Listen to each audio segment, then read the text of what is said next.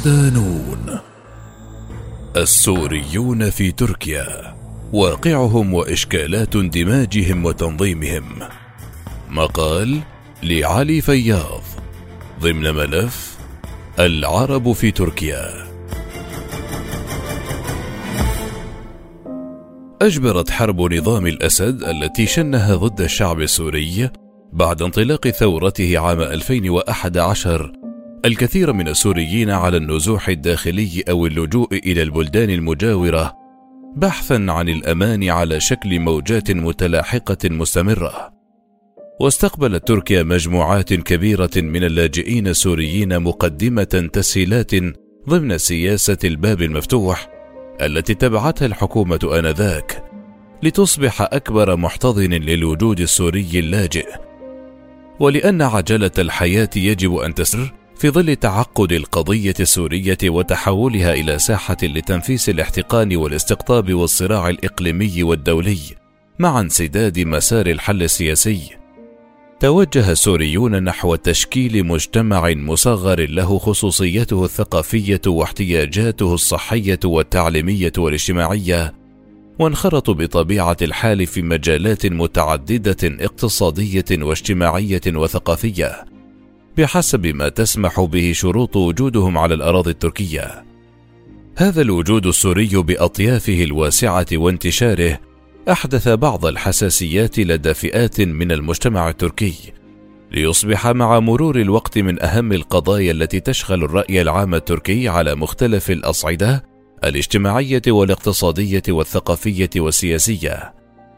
وبات الوجود السوري في تركيا قضية سياسية تستخدمها مختلف الأحزاب التركية كورقة من الأوراق السياسية عند كل استحقاق سياسي. الأمر الذي فرض على السوريين تحديات عديدة وضبابية حيال مستقبلهم في تركيا. ولذا يأتي هذا التقرير كمحاولة للوقوف على واقع الجالية السورية في تركيا من حيث توزعهم الجغرافي والديمغرافي وتمركزهم في الولايات التركية بالإضافة إلى تسليط بعض الضوء على واقعهم الاقتصادي والتعليمي فضلا عن العلاقة مع المجتمع التركي ومصاعب الاندماج. اولا الإطار القانوني للوجود السوري. مع بدء مسلسل الهجرة السورية إلى تركيا بعد تصاعد أعمال العنف والقمع من قبل النظام قدمت تركيا آنذاك تسهيلات كبيرة للمهاجرين السوريين دون أن تقوم بإقرار وضع أو صفة قانونية لهم. إذ بقي اللاجئون السوريون يعاملون بمنطق الضيوف، وكانت هذه لغة الخطاب الشائعة حينها في المجتمع التركي والخطاب الرسمي. وتميزت تلك الفترة بتقبل شعبي تركي للوجود السوري نظرا فيما يبدو إلى غلبة الظن بأن حالة اللجوء السوري مؤقتة ولن تدوم طويلا فضلا عن أن تركيا استقبلت عبر عقودها الطويلة موجات لجوء فردية وجماعية من بلدان مختلفة. بعضهم استقر فيها وانخرط ضمن نسيجها الاجتماعي والثقافي. وبسبب تزايد أعداد السوريين اللاجئين أصدرت تركيا عام 2012 أول تنظيم قانوني لأوضاعهم. منحتهم عبره صفة الحماية المؤقتة التي تعني منحهم الحماية بشكل مؤقت في تركيا ومنع عودتهم قسريا إلى سوريا مع تقديم خدمات متعلقة بالصحة والتعليم والوصول إلى سوق العمل. بالإضافة إلى التمتع بحقوقهم واحتياجاتهم الأساسية وفقا لمبادئ حقوق الإنسان والقوانين الدولية. دون أن يحملوا الصفة القانونية المتعلقة باللاجئين وهو ما ينسجم فعليا مع الوضع القانوني العام للجوء في تركيا الذي يشترط شروطا معينة للقبول بإطلاق صفة اللجوء على المهاجرين إليها حيث يعود ذلك إلى اتفاقية جنيف للأمم المتحدة عام 1951 التي حددت الأسس القانونية لوضع اللجوء في تركيا. فقد حصرت الاتفاقية حق اللجوء للمهاجرين القادمين من أوروبا فقط وتسميتهم بلاجئين. ورغم تعديل الاتفاقية ببروتوكول عام 1967 الذي أسقط بند القيد الجغرافي ليشمل جميع اللاجئين، إلا أن تركيا لم توقع على البروتوكول مبقية حق اللجوء فقط للاجئين الأوروبيين بينما تطلق صفة الحماية المؤقتة على اللاجئين القادمين من خارج أوروبا وتسميتهم باللاجئين المشروطين حيث تقوم تركيا بتأمين حماية مؤقتة لهم حتى تتم إعادة توطينهم في بلد ثالث آمن أو عودتهم طوعيا إلى بلدهم الأم وهو ما ينطبق تماما على حالة اللجوء السوري في تركيا. وبالتالي إن خضوع معظم السوريين لهذا التوصيف القانوني وضع الحماية المؤقتة قد فرض عليهم جملة من الصعوبات والعوائق خاصة فيما يتعلق بشكل الإقامة والسكن وما يسببه من قلق النزوح المستمر والعمل والسفر والعلاقة مع المجتمع التركي أي الاندماج فضلا عن غياب الإحساس بالاستقرار المجتمعي والمعيشي. ثانيا التوزع الجغرافي والديمغرافي ينقسم السوريون في تركيا إلى قسمين من حيث السكن ومكان الإقامة. بين أولئك الذين يقطنون داخل المخيمات التي أنشأتها الحكومة التركية لاستيعاب الأعداد الهائلة من اللاجئين، والتي تدار من قبل المديرية العامة لإدارة الهجرة، التي تنظم حياة السوريين داخل المخيمات، وبين من هم تحت الحماية المؤقتة ويقيمون خارج المخيمات وهم الأغلبية في المدن الكبرى كإسطنبول والمناطق الحدودية مع سوريا. ووفق تقرير صدر عن المفوضية العليا للاجئين عام 2016 فإن تعداد السوريين اللاجئين المقيمين في المخيمات ومراكز الإيواء المؤقت يقدر بنحو 217 ألف لاجئ يتوزعون على 22 مخيما أنشأتها الحكومة التركية في المحافظات الجنوبية لينخفض هذا العدد تدريجيا خلال الأعوام اللاحقة.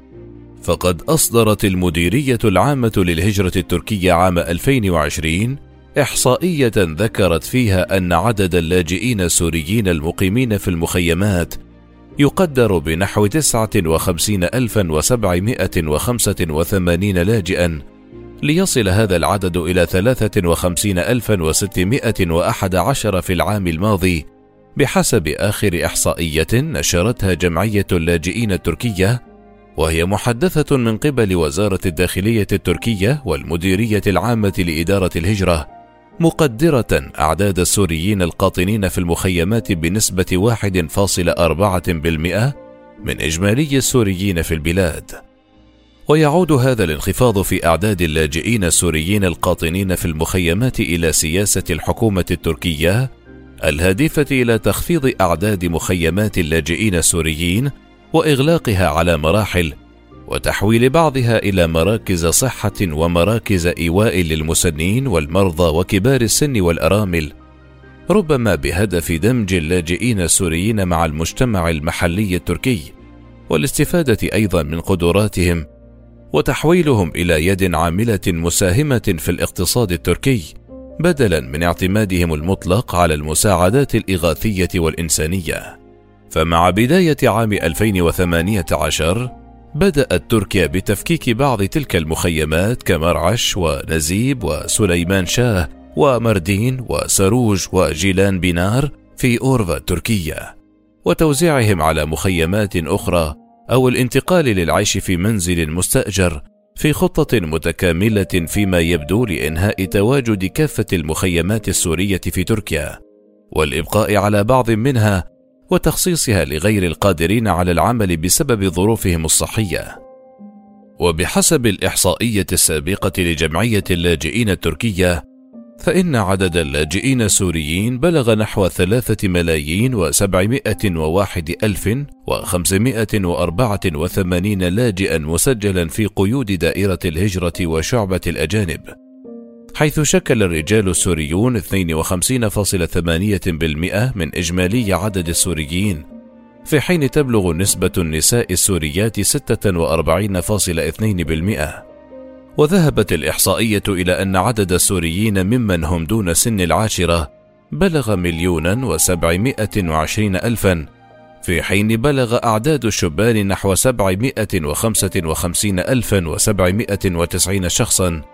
تراوحت أعمارهم بين خمسة عشر وأربعة وعشرين عاما. وتصدرت إسطنبول قائمة الولايات التركية من حيث عدد السوريين بخمسمائة وأحد عشر ألفا وأربعمائة وثمانية وتسعين تلتها غازي عنتاب بأربعمائة واثنين وخمسين ألفا وأربعمائة وعشرين ثم هاتاي بأربعمائة وستة وثلاثين ألفا وثلاثمائة وأربعة وثمانين وأورفا بأربعمائة واثنين وعشرين ألفا وأربعة وخمسين ثم ولاية أضنة بمئتين وتسعة وأربعين ألفا وأربعمائة وسبعة وسبعين ومرسين وسبعة وثلاثين ثم بورصة وستة وثلاثين وولاية إزمير وسبعة وأربعين وقونيا وأربعمائة وخمسين وكلس وسبعة عشر لاجئا سوريا. بحسب آخر تحديث لبيانات المديرية العامة للهجرة في تركيا.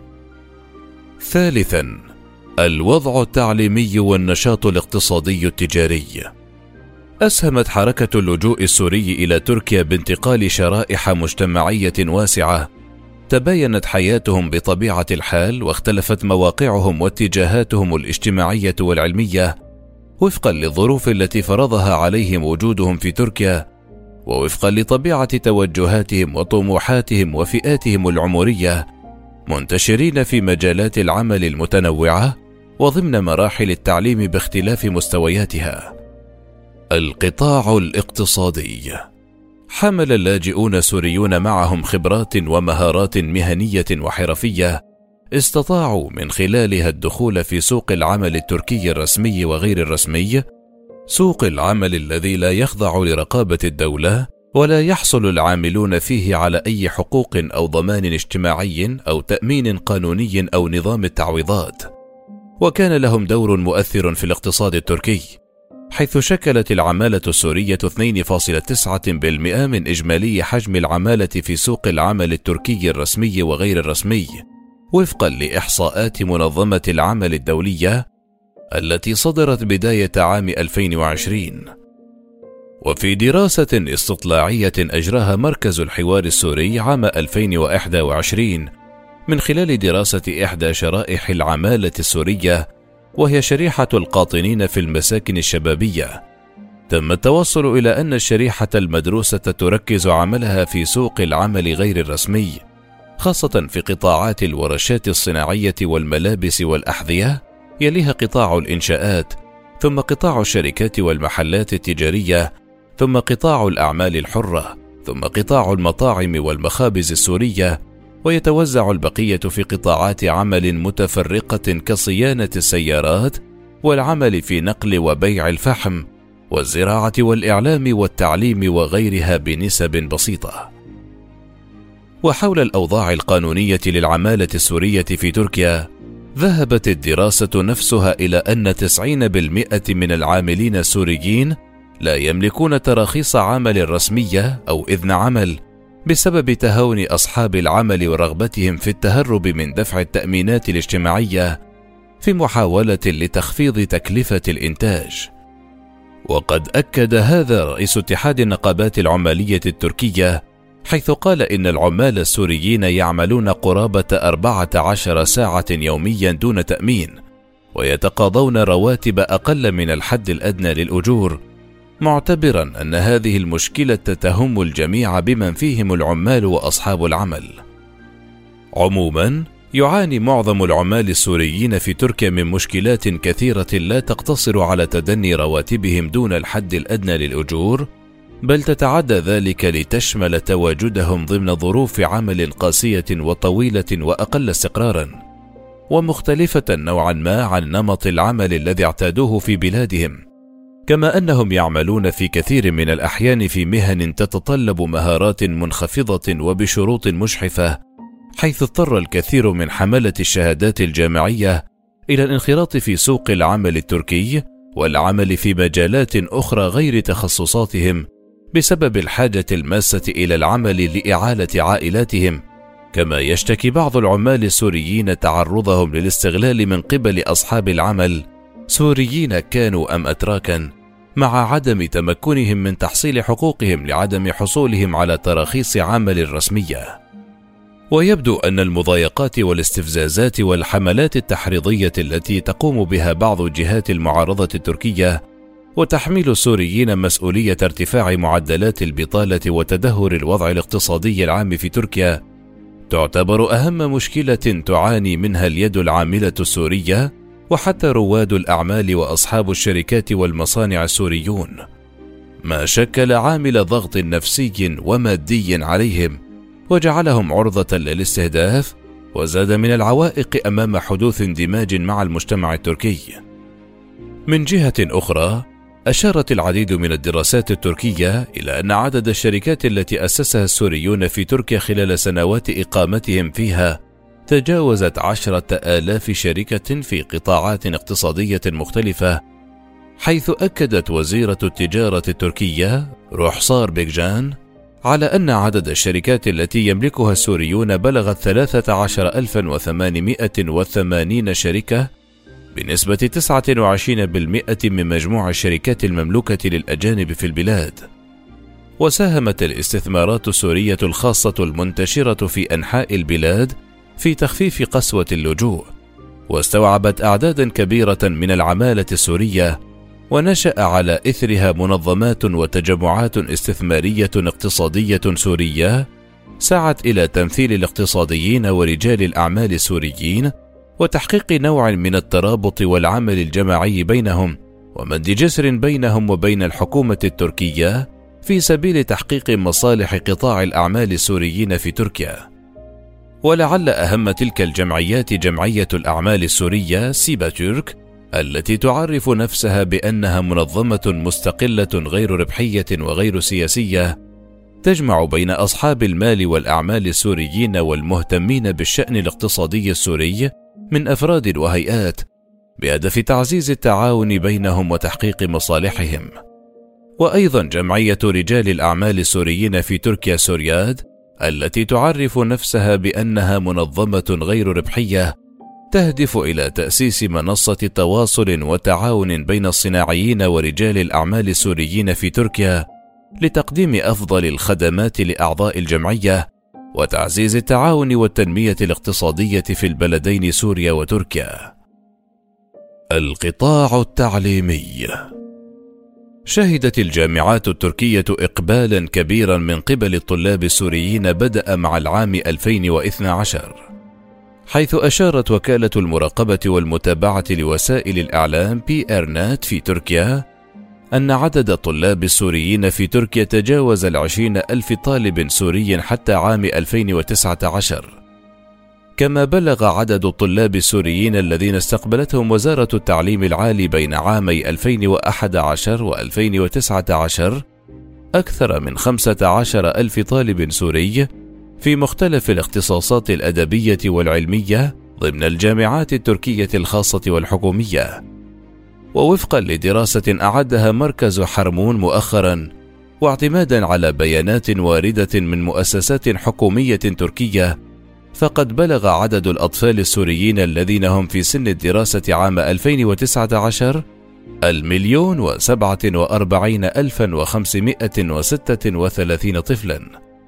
حيث وصلت نسبة السوريين الملتحقين بمقاعد الدراسة في العام 2018-2019 الإحدى وستين فاصل إحدى وأربعين بالمئة بنحو ستمائة وثمان وأربعين ألفا وثمانية وخمسين طفلا.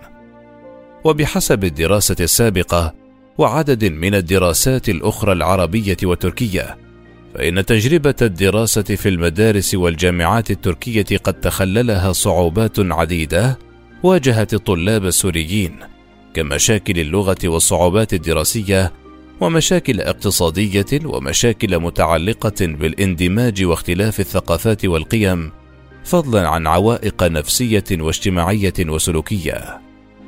رابعا العلاقة مع المجتمع التركي. إشكالات الاندماج والانسجام المجتمعي.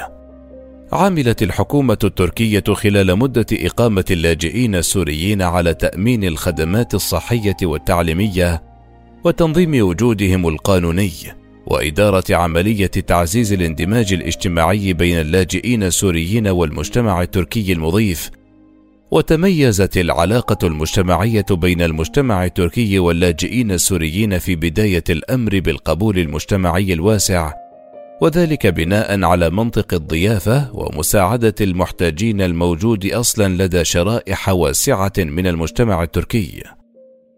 رغم التقارب الكبير بين المجتمعين التركي والسوري من الناحية الدينية والفكرية والثقافية واللغوية والعرقية وفي العادات والتقاليد، إلا أن ذلك لم يمنع ظهور تحديات جمة متعلقة بالانسجام الاجتماعي خاصة مع تزايد أعداد اللاجئين السوريين وطول مدة إقامتهم وتغير الأوضاع السياسية والاقتصادية في تركيا ليتغير شكل العلاقة الناظم لتفاعل المجتمع المضيف مع اللاجئين السوريين باتجاه سلبي. ما لبث أن تحول إلى مواقف كراهية للسوريين ومن ثم إلى حالات استهداف مباشر. وتشكل الأزمة الاقتصادية التي تشهدها تركيا والتي أدت بطبيعة الحال إلى ارتفاع الأسعار وتراجع سعر صرف الليرة التركية أمام العملات الأجنبية وارتفاع معدلات البطالة أهم الأسباب التي أدت إلى حدوث تغييرات في شكل العلاقة بين المجتمع التركي واللاجئين السوريين حيث حمل الكثير من الأتراك بتحريض من أحزاب سياسية معارضة السوريين مسؤولية تدهور الوضع الاقتصادي في البلاد. وتعززت هذه الصورة مع التصريحات الحكومية المتكررة حول حجم الإنفاق الحكومي على اللاجئين السوريين دون الإشارة إلى مصادر هذه الأموال الاتحاد الأوروبي ما انعكس سلبا على السوريين بسبب تشكل قناعة لدى جمهور واسع لدى الأتراك بأن الإنفاق الحكومي يصرف من خزينة الدولة التركية على السوريين بدلا من صرفه للتنمية الاقتصادية وتحسين الواقع المعيشي للمواطن التركي. كما أن تحول قضية الوجود السوري في تركيا إلى ورقة للتوظيف والتجاذب والصراع السياسي الدائر بين الحكومة التركية والمعارضة. قد شكل عائقا اساسيا أمام تحقيق اندماج مجتمعي بين الأتراك والسوريين حيث تستغل بعض أحزاب المعارضة حالة الانزعاج والقلق لدى الشارع التركي في خدمة مصالحها واستحقاقاتها الانتخابية ضد الحكومة التركية. عبر تصعيد خطابها ضد السوريين وايهام الشارع التركي وإقناعه بأن السوريين هم المشكلة وأن الحزب الحاكم قد فشل في إدارة ملف اللاجئين الذي تحول إلى عبء على تركيا. وقد أدى هذا الأمر إلى تصاعد حالة الكراهية والعنصرية والغضب تجاه السوريين ورسخ صورة ذهنية سلبية لدى الأتراك عنهم ما هدد استقرار السوريين ومستقبلهم في تركيا وعمق المخاوف الاجتماعية لدى فئات المجتمع التركي من وجود السوريين. خامسا آثار غياب تنظيم اللاجئين السوريين كجالية في تركيا. خلال حديثه لموقع نون بوست أكد نائب رئيس منبر الجمعيات السورية باسم هيلم على أن حالة التشظي والتفرق التي يعيشها السوريون في تركيا تنعكس سلبا عليهم وعلى طريقة عيشهم واستقرارهم حيث إن عدم وجود كيان سوري منظم ينظم احتياجات الجالية السورية ويرصد المشاكل ويضع الحلول ويرفعها إلى الجهات الحكومية المعنية. يضع السوريين تحت تأثير قوانين وإجراءات حكومية دون قدرتهم على المشاركة في صنعها. مشيرا إلى أنه في كثير من الأحيان تقر الحكومة التركية بعض القوانين التي قد يتضح لاحقا تأثيرها السلبي على اللاجئين السوريين، وهذا بسبب غياب كيان منظم سوري يشارك في صنع القرارات التي تهم السوريين، ويكون صلة الوصل بين الجهات الرسمية التركية والسوريين المقيمين في تركيا، ويضع الجانب التركي في صورة الاحتياجات من منظور سوري. ويرى هيلم أن أسباب غياب كيان موحد منظم للسوريين في تركيا تعود في مجملها إلى غياب ثقافة العمل الجماعي ولجوء السوريين للعمل ضمن تكتلات وجماعات متفرقة معتبرا أن السوريين أبدعوا في العمل الفردي ولكن يعانون من ضعف شديد في العمل الجماعي ويكمل بأن صعوبات العيش في تركيا وانشغال معظم الشرائح المجتمعية السورية في تحصيل سبل العيش يجعلان من الصعوبة بمكان العمل في الشأن العام الذي يحتاج بعض الاستقرار المادي والمعنوي. فضلا عن أن التنوع الثقافي للسوريين واختلاف مشاربهم واهتماماتهم يقفان عقبة أيضا أمام تشكيل كيان موحد جامع لمختلف السوريين. ويعتقد هيلم أن إيجاد كيانات سورية موحدة للجالية السورية تشارك في عملية صنع القرار الذي يخص السوريين. قد لا يناسب توجهات الدولة التركية المضيفة. وفي السياق ذاته يؤكد هيلم على أهمية تضافر الجهود وتعزيز النشاط لإيجاد مرجعيات تمثل كافة السوريين بكفاءة وحرفية وتعمل على تدعيم ثقافة العمل الجماعي. مقدما اقتراحا عمليا حول آلية تنظيم الجالية السورية عبر تشكيل تجمعات قائمة على أساس جغرافي بحسب توزع السوريين في تركيا حيث يتم تأسيس مكاتب صغيرة متشعبة ضمن المناطق التركية تمثل وجود السوريين في تلك المناطق مع التنسيق الفعال بين تلك المكاتب والتجمعات الصغيرة ورصد مبالغ مالية كرسوم اشتراك من السوريين. لخلق رابط بينهم وبين ممثليهم والتعاون مع التجار ورجال الأعمال السوريين وتشجيعهم على دعم هكذا تجمعات دون تحزب أو أدلجة.